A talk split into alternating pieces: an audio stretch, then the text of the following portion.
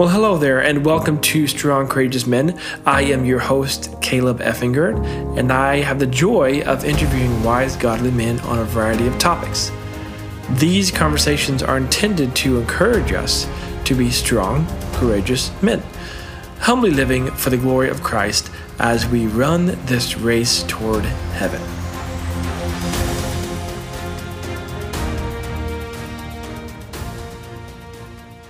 Well, today we uh, want to welcome Chris Hamilton to the show. Chris, uh, among many things, is a business owner in Simi Valley, California, where he lives with his wonderful bride, Anne. Chris is also an elder at Grace Community Church, and I'm so honored to call him a friend of mine. So, welcome, Chris, and thank you so much for taking the time to, to impart some of your wisdom. Caleb, it's great to be here, and it is uh, double the honor to be your friend. Man, have we gone through a lot over the years? My darkest valleys and greenest pastures, you've been there for me and, and shepherded me. So, yes, yes, we have. Been a great joy. Oh, thank you. Today, we are talking about why the world needs men. And before we get started, I want to clarify in what context we'll be talking because we have already talked about why families and churches need biblical men. So the context for this conversation is the world. And when we are talking about the world, we are talking about the worldly system that denies God and is run by Satan until Christ returns. So now that the stage is set, the first question is why does the world need biblical men? Well, I, I love your introduction to this question. Uh, I think it's really important to highlight it. You already said it. I'm going to say it again that this world, Ephesians 2 says, uh, is run according to the prince of the power of the air. Um, that's Satan. That's the backdrop for what we're talking about. When we say the world or culture, that's what we're talking about. And so, if you will, that's the, the black background. And now we bring that question of being biblical men, there's a, a, stark contrast. And I would answer the, the question, why does the world need biblical men this way? God created the world and all that's in the world. And it, that's in Genesis 1. And it goes on to say, male and female, he created them. And I think it's really important for us to note that God created us, so he makes the rules. And his creative intent, meaning his intentions when he created the world, matter. They animate how we then should live. His purposes and his intentions are the purposes and intentions of a biblical man. And God defined in the Garden of Eden what the role of a man is and what the role of a woman is. And he called it very good. And so I'm content in saying the world needs biblical men because God created men and called us to be biblical. And by biblical men, um, I'm going to draw a distinction here. We're not saying Christian men, even. We're saying men who live according to the design of their creator, the role of their creator. So, what we're talking about here today is certainly applicable to Christian men, but there's a joy and a blessing both for the man who lives in light of God's design, as well as for a culture that expects men to live that way and honors men to live that way.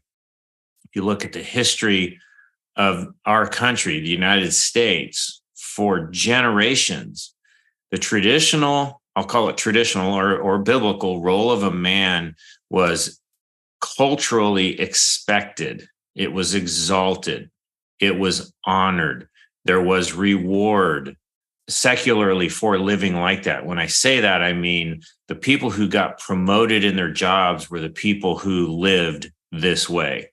The people who were elevated to celebrity status or that people looked up to were men who lived biblically, not Christians necessarily, but whose lifestyle was devoted to the things that God said men were designed to do, which is to be married, to parent children, to grandparent grandchildren and, and and through all of that to provide for that family and to be a physical emotional and spiritual protector of that family while all the time loving one woman his wife that's god's design that's how he laid it out in genesis 1 that's how he why he created the world and how he expects you and I as men to navigate this world. And if you look in the Bible at the concept of blessing, that means happiness. You know, if you do a study of blessed is the man, it, it's a remarkable list of what the what God blesses. You know, blesses the man who obeys, and that obedience is to the role of the Creator's design.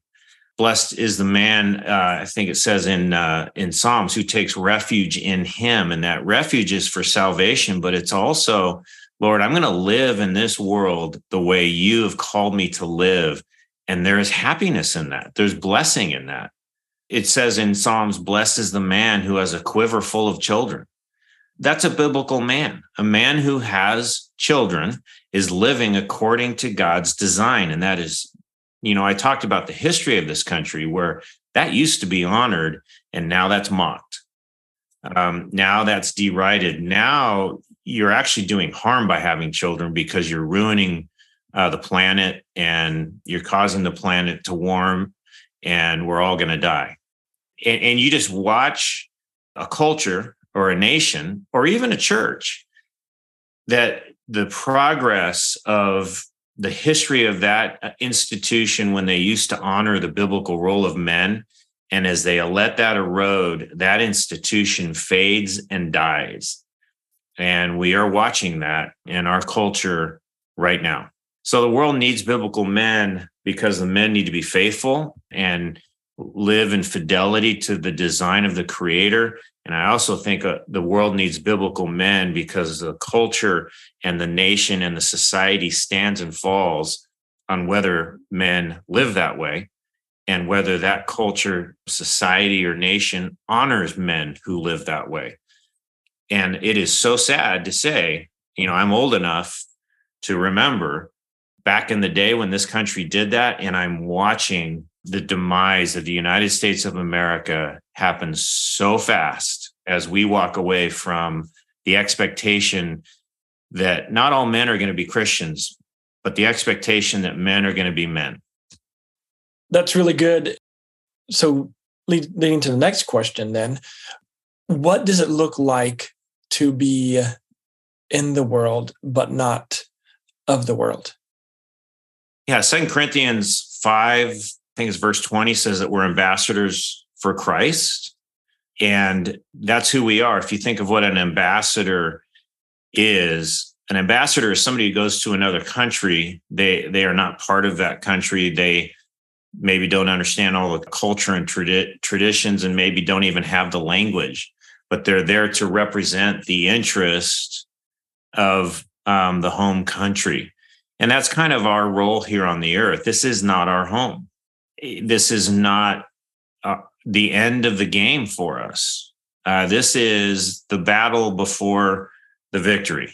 And uh, I think we have to view the world that way. And I think we have, and I love, again, I love how you started all of this out, making clear that the world is run by the prince of the power of the air. This is foreign, hostile territory.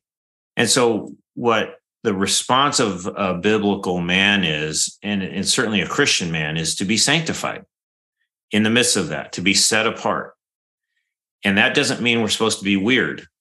It just means that we live differently, we're motivated differently, we have a perspective on life that is very different than the people around us. You know, you go all the way back to Leviticus 11:44, be holy as I am holy. That is a statement to the world, to all people. That is the standard. That is what we're called to. And that's repeated. Um, I think it's even quoted in First Peter 1. I think it's verse 16. So it's not just an Old Testament concept, it's a New Testament concept. Matthew 5, Sermon on the Mount. Matthew 5 48 says, You are to be holy as your heavenly Father is holy or perfect. Um, we're to be like Christ. And so that's what it looks like.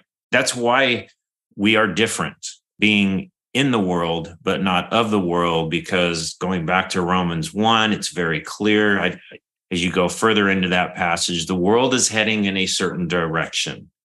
And we are swimming in the different, we're swimming upstream in that. And I love Ephesians 5, verse 15, as, kind of a, a, a simple, I'm a simple minded guy, and I love verses that just kind of boil it all down. And this for me boils down what life in the world but not of the world should look like. It says, therefore, be careful how you walk, not as unwise men, but as wise, making the most of your time because the days are evil. So then do not be foolish, but understand what the will of God is. There's a couple of imperatives there. We need to be careful. It requires care, thoughtfulness, purpose, in other words, life, you just don't jump in the river and let it carry you.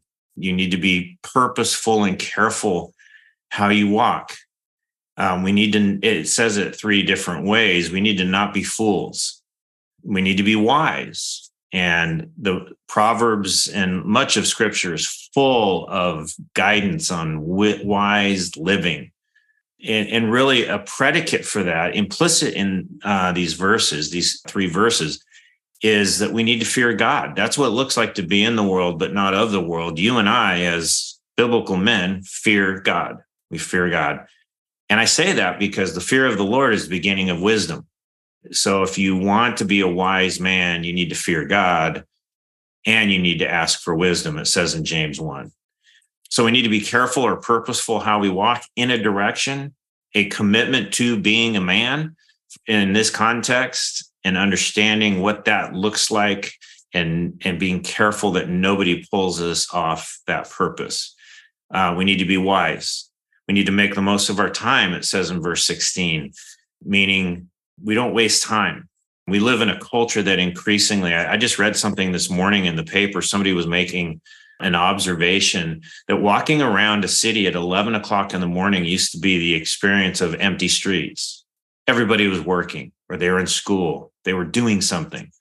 Today, you walk around major cities and it doesn't matter what time of day, leisure, people just sitting around, walking around. That's not a biblical man living in the world. We're to make the most of our time because the days are short and the days are evil. And uh, the last imperative in verse 17 is understand what the will of God is. And this is why I love the idea of your podcast, Caleb, because you're going to walk through this. You're going to make it clear for men. This is what God's will is for men. And as a man, I need to be reminded of that. And I need to let that animate my purpose, the wisdom of life, and avoiding being foolish and how I make the most of that time. Yeah, that, this is really good. Chris, as, I, as I'm listening to you, I'm thinking about just your saturation in the word as you're picking picking verses out and i think that's something with our generation we are very illiterate with god's word and it's not an excuse but there are so many distractions again not an excuse at all every generation has distractions but we we let those distractions take us away from time in God's word. Be still and know that I am God. Our generation does not know what that means, or they don't even practice it.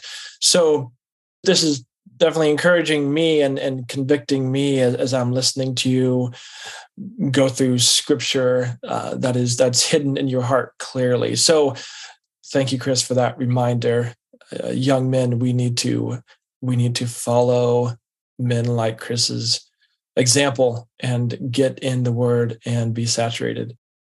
You know, Caleb, that's a great comment because it sounds like that's contradictory to what I just read.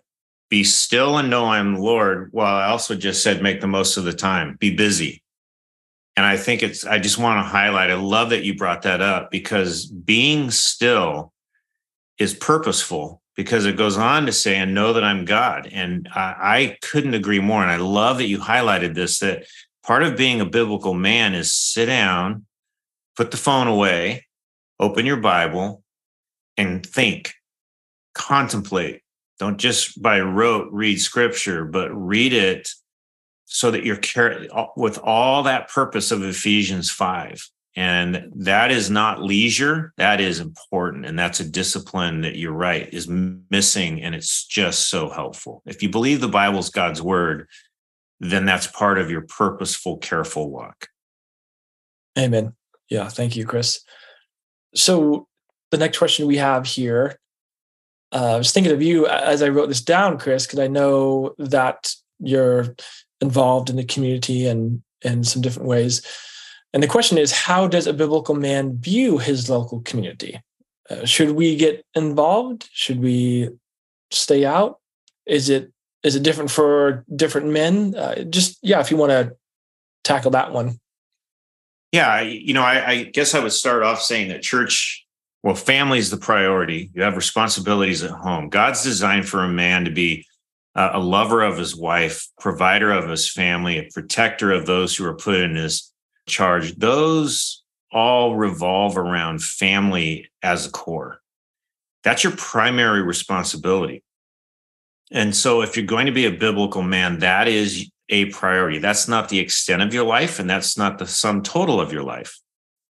So, then you're also called to provide for your family. And so, you have to go to work and you get to go to work. Work is a gift. I don't mean to make that sound negative, but by God's design, the primary responsibility for provision of the family is with the man, and you need to take that seriously. So you've got a lot of responsibilities at home. You have the responsibility at work. You want to be, you know, we're all called to be a worker and we're called to be excellent workers and competent workers and compelling workers.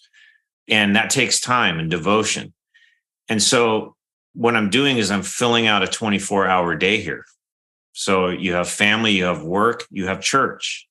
And every believer is called to be in church, to not forsake the assembling of ourselves together. Church is, in fact, essential in our life. It is necessary. It is a um, um, a high priority. So if you can do all of that, family, work, using your gifts in the church for the building up the body of Christ, for the advancement of the kingdom of God, however God's gifted you there, and you still have time and interest left over, then you should absolutely get involved in your local community. So, you know, we're called to love the people around us. Uh, you know, your involvement in the community could take any number of different forms, but all of that is an add on and it should be purposeful. For anything you do, you should be able to tie it back to this is what God's called me to be.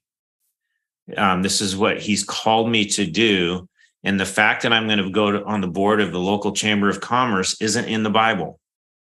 But you still need to be able to tie back why are you doing that? And how does sitting on that board or your homeowners association board or whatever your community involvement is, you should be able at a at an instant to be able to explain how that fits into the purpose purposes and priorities that God has dictated for you.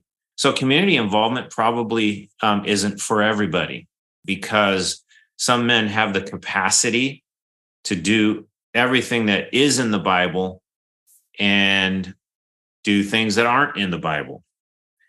Other men are consumed with what um, they're told to do in the Bible, and that's the extent of their ability, their energy, their interest, even whatever it may be. But for those who get involved in the local community, I think you have to separate in your mind that what you're doing in the community is not the same as the church. And so they're not going to play by the same rules. There's not going to be the same involvement. There's not going to be the same expectations. There's not going to be the same blessing either. And I guess, you know, going back to the Sermon on the Mount, Christ says that we are the salt of the earth. And he goes on to say, we are the light of the world. And I think everything you do in the community, ultimately, when you contemplate what is my purpose and why am I doing this, it probably is Matthew 5, 13, and 14 as the primary purpose. I have the opportunity to engage with the world function in the world for some good purpose. And in that context, I'm going to be salt and light, not f- so that I look good, but for the advancement of the kingdom of God and, and for the potential of seeing people come to Christ. You know, First Peter 2 9 says that we're saved out of darkness into his marvelous light. And so again, I go back to that backdrop. The world is a dark place. It just is. It's black, it's dark. Isaiah 59 is a great chapter that describes how people run into walls and they they grow up in the dark you know it, that's the world we live in and we have the ability to bring the marvelous light of our savior jesus christ into that world and it's hard sometimes but it's also very compelling and um, the distinction is something that is attractive to people in various circumstances as they see a believer functioning in the world in a competent honorable way with integrity as a servant that's that's it's really helpful, Chris. And and uh, you mentioned capacity on here, which I, I, think is important just to highlight because we, there are men who uh, have more capacity, as it were, than than others, and and I think it's just helpful to to kind of get that out in the open. So the, the men who are at capacity, as it were, and should maybe not get involved in a season uh, or in a season rather not get involved with the community versus a, a, guy who has some extra free time and and such can can get involved. So I, th- I think that's that was a helpful highlight. I think our our dear wives are a good gauge to that. and your children. Yes. Yeah. Yeah. Yeah. You don't get involved in the community because you're a failure at home and you're looking for something to do because either you're not interested or you're not good at, at dealing with home. That's the wrong motivation for community involvement. The first thing you need to do is nail things down at home. Things need to be going pretty well there before you even consider that. Yeah, that's really good. Really good. Well, next question. Some Christians would say, don't get married or have kids because the world is so hostile. Don't want to bring them into the world. I want to shield them from that. Uh, how would you shepherd that way of thinking? It frustrates me. And I get really frustrated with young men, particularly even in the church, who are afraid to do life. And by doing life, living according to God's purposes. And this goes back to your first question. And I'm going to make this point, and some people really don't like to hear this. But I think it is undeniable from Genesis chapter one that men were created to be married. There are exceptions to that. There is uh, 1 Corinthians 7 that talks about singleness. Singleness is a purposeful decision for a specific reason to accomplish specific tasks. Most young men, and I'm being charitable when I say young in this culture, I'm talking about men in their 30s and 40s who are afraid to get married think they have the gift of singleness. And I, I don't see that in 1 Corinthians 7 as the motivation for being single. There is great joy, blessing, and sanctification. And that's a hard part in marriage. And you cannot go wrong living dead center in the middle of God's design for you. Is it always going to be fun? No. Is it always going to be easy? Absolutely not. And in fact, it is going to be difficult. And that difficulty is designed by God for our good and his glory. So I, I, would say this to someone who would say, don't get married or have kids because the, the world is hostile. I, I just say this don't be afraid. The Bible never calls us to fear ever, except to fear one thing. And Matthew 10 28 says, Do not fear those who kill the body, but are unable to kill the soul, but rather fear God, who is able to destroy both soul and body in hell. We need to fear the right things. And boy, do we live in a culture driven by fear. I saw this, you know, I'm involved in a young singles group in my church, a couple hundred singles, post college uh, single kids get together. They aren't kids, sorry, young people who come on Friday nights for a Bible study. And I, I was observing I remember I did a session in 2019 that upset a few people where I basically got to be in front of the men and I said, I've never seen a group more afraid of girls, more afraid of responsibility, more afraid of danger, more afraid of blessing, more afraid of children and marriage than I'm seeing in our culture right now. And then 2000, or excuse me, 2020 happened. And 2020 with COVID and, and the panic that set in on this world, and the people that loved the panic, they loved the fear, they loved that they got to go home and stay home and not deal with life. And I, I know I'm making a generalization, but there was an element of our culture that loved that. And there's an even larger swath of our culture that were manipulated and did things that in hindsight were absurd, but the motivation was fear. They were successfully scared by our government. Um, and I think a biblical man, a Christian man, certainly should not be driven by that fear, should not be um, swayed by that fear. They should not uh, succumb to that fear. For 1 Corinthians 16, 13. I know you know this verse, Caleb, because it's kind of the basis for your podcast. Be on the alert, stand firm in the faith, act like men, be strong. That is a summary verse of Deuteronomy 31, Joshua 1, I think of 2 Samuel 10. They the guys that are surrounded by an army. And in all those places, the command is be strong and courageous. That is a biblical man. That is a, a Christian man. That is manhood wrapped up right there. You know, it's what's interesting about First Corinthians 16, 13. I used to play football and I, we used to have guys come in at halftime and read that verse to us and get us all hyped up to score a touchdown. I realized at some point that verse was not written to men.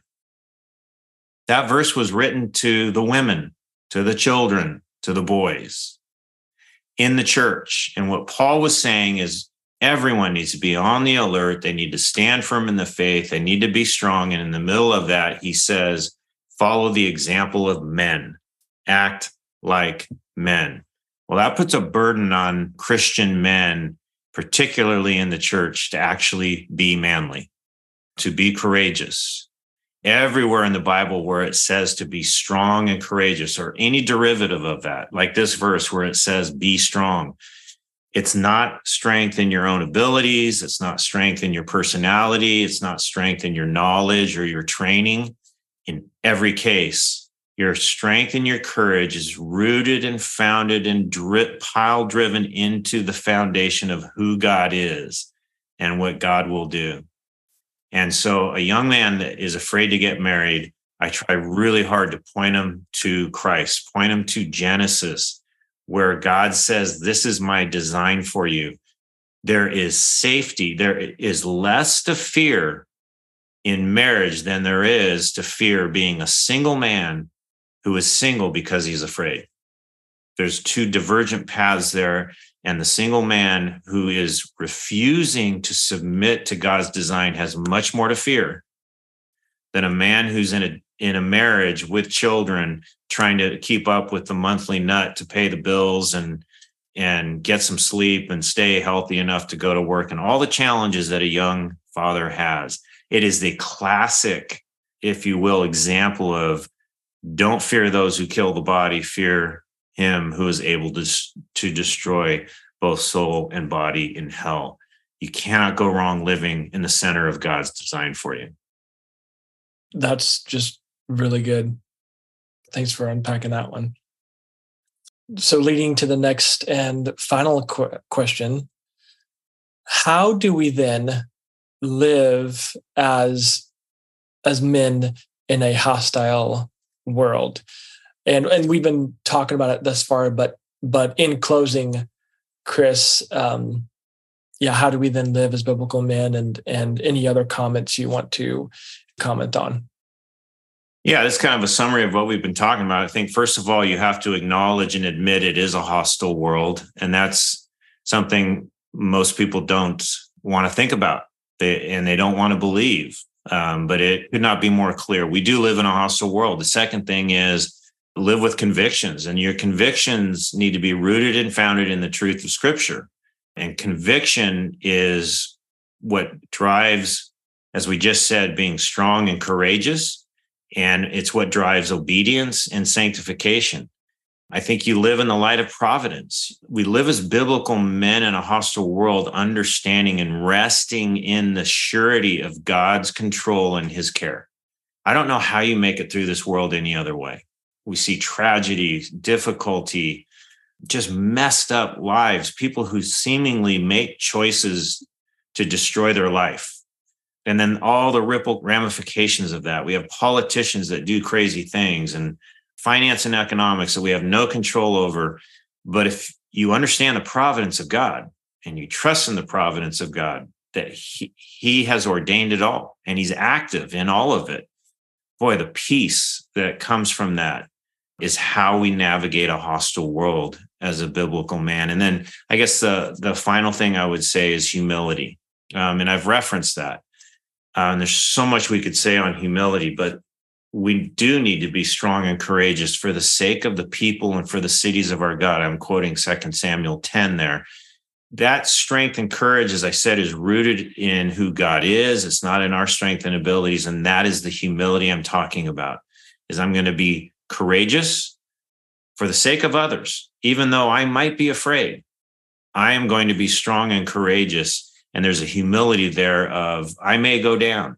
I, I could definitely go down but if I go down, people are going to look back and say, at least he trusted God. He was humble and believed in God. And then the last thing, the action item, I think, is put on the full armor of God. And that's probably a whole separate podcast. But that passage about putting on the armor of God is really the key to then how we live as biblical men in a hostile world.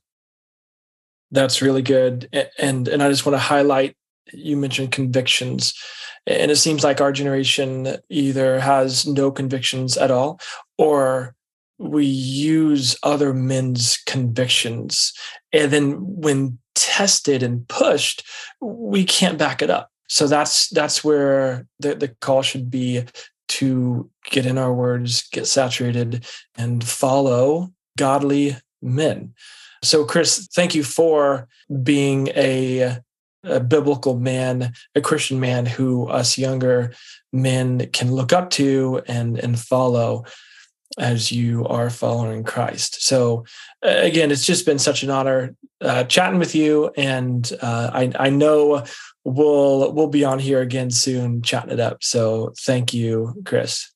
Well, and I'd love to do an interview of you sometime for your own podcast for people to understand and hear how the challenges and difficulties of life have shaped you that what you just said you have lived.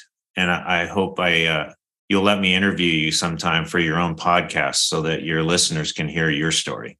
Mm, well that's that's encouraging. Thanks chris